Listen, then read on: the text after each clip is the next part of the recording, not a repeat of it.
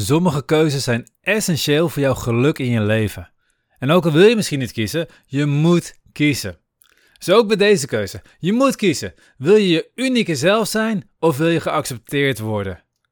In deze podcast waarom dit zo'n belangrijke keuze is in je leven, waarom ons brein van nature al voorsorteert op de verkeerde keuze en waarom het niet mogelijk is om 100% jezelf te zijn en tegelijkertijd door iedereen geaccepteerd te worden. Even tussendoor, vind je deze podcast goed? Help ons dan om meer mensen te bereiken. Ik wil graag minimaal 1 miljoen mensen inspireren om vrij te gaan leven en ze de tools te geven om dat te bereiken. Je kunt me helpen door in je app, als je Spotify hebt, even 5 sterren te geven aan deze podcast. En als je een andere app gebruikt, zou ik het super waarderen als je op Google ons 5 sterren geeft. En dat kan via de link in de beschrijving. Maar eerst wens ik je heel veel inspiratie met deze podcast. Hey hallo, Bas van Pelt hier. In deze podcast wil ik samen met jou kijken hoe je vrij kunt leven. Los van stress en oude patronen. Hoe je de mooiste versie van jezelf wordt en jouw ideale leven creëert. Wil je geaccepteerd worden of wil je uniek zijn? En het is een keuze. Je moet kiezen. Wil je erbij horen? Wil je geliefd worden? Wil je erkenning krijgen? Of wil je jouw unieke zelf ontplooien? Echt helemaal jezelf worden. Je maximaal potentieel vervullen. Je moet kiezen. En het is een moeilijke keuze. Ik vind het zelf ook nog steeds een moeilijke keuze. We hebben zoveel patronen die ons duwen richting die groep. Natuurlijk wil je uniek zijn, maar we worden continu richting de groep geduwd. Evolutionair gezien is het ook logisch, want zonder een groep overleven we niet. Als je in je eentje op de savanne loopt, overleef je niet. Je hebt die stam nodig om je te beschermen. En het gaat veel verder dat. We hebben elkaar echt nodig om, om te kunnen groeien, om onszelf te kunnen worden. Als je een babytje in een couveuse legt, om wat voor reden dan ook, en je geeft hem de beste voeding, je geeft hem licht, je geeft hem donker op de juiste tijden, je geeft hem de beste melk, wat allemaal ook, best juiste temperatuur, maar je raakt hem niet aan, dan groeit hij niet. Pas als je hem aanraakt, gaat hij groeien. Pas als hij contact heeft met andere mensen, dat is het moment waarop een babytje groeit.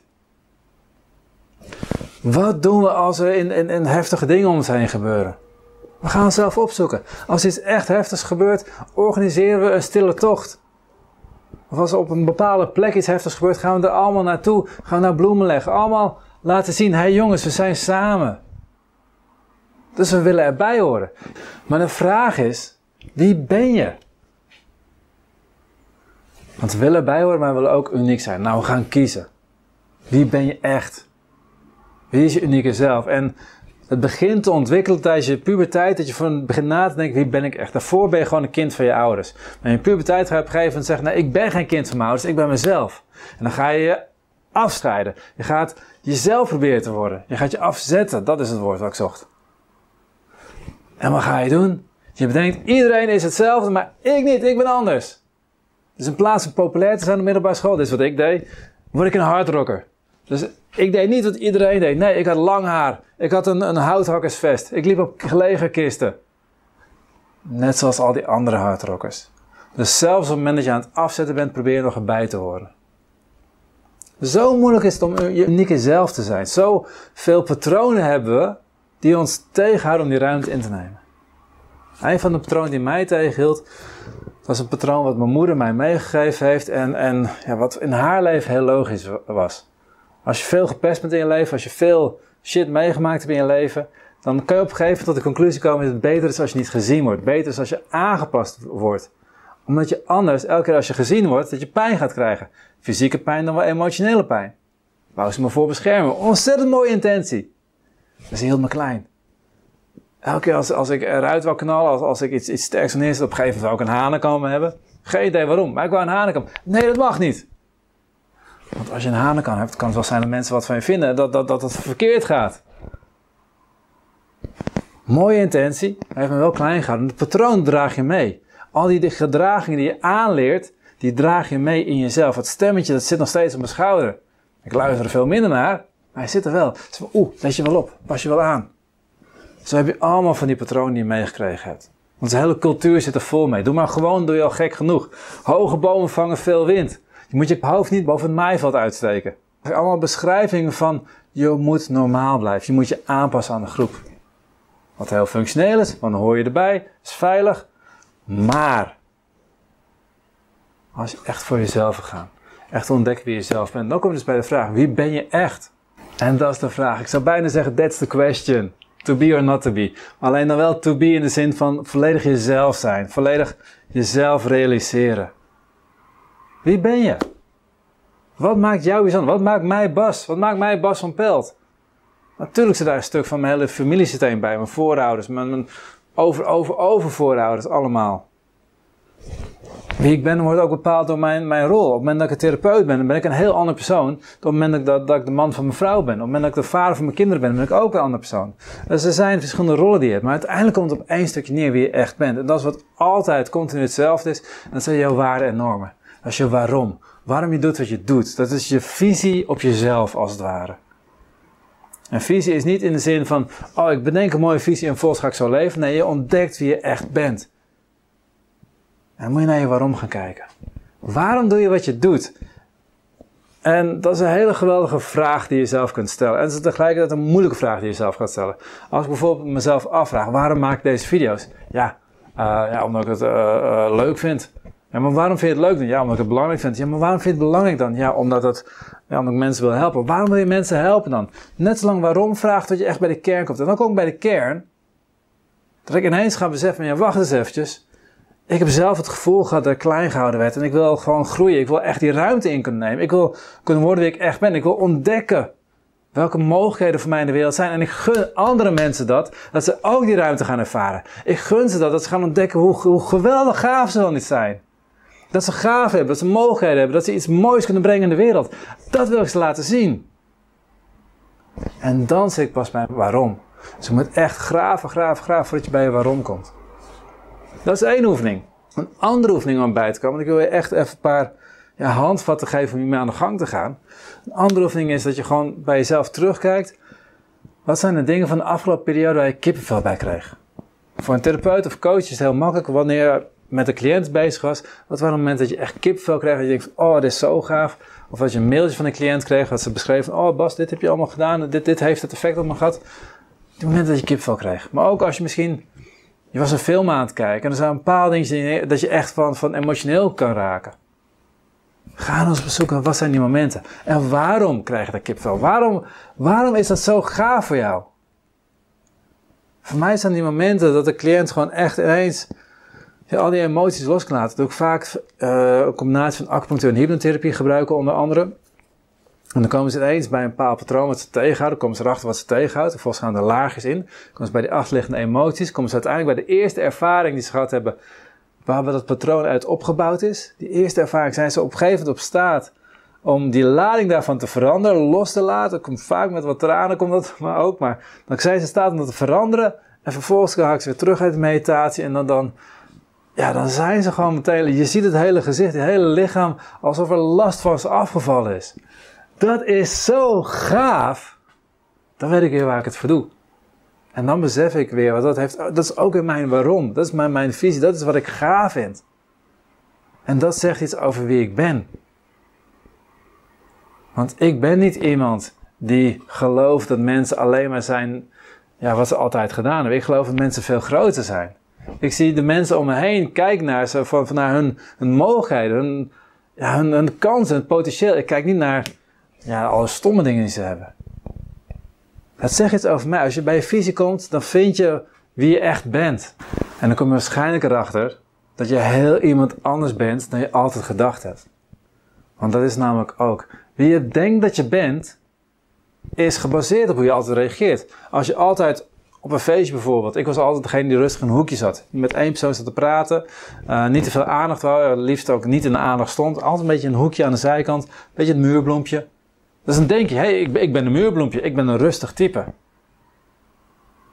Dat is helemaal niet waar. Dat is een gedrag wat mij aangeleerd was. In mijn hele opvoeding ben ik zo gevormd. Al die patronen die ik opgebouwd in mijn leven, die uiten zich in dat gedrag. Dat is niet wie ik ben, dat zijn mijn patronen.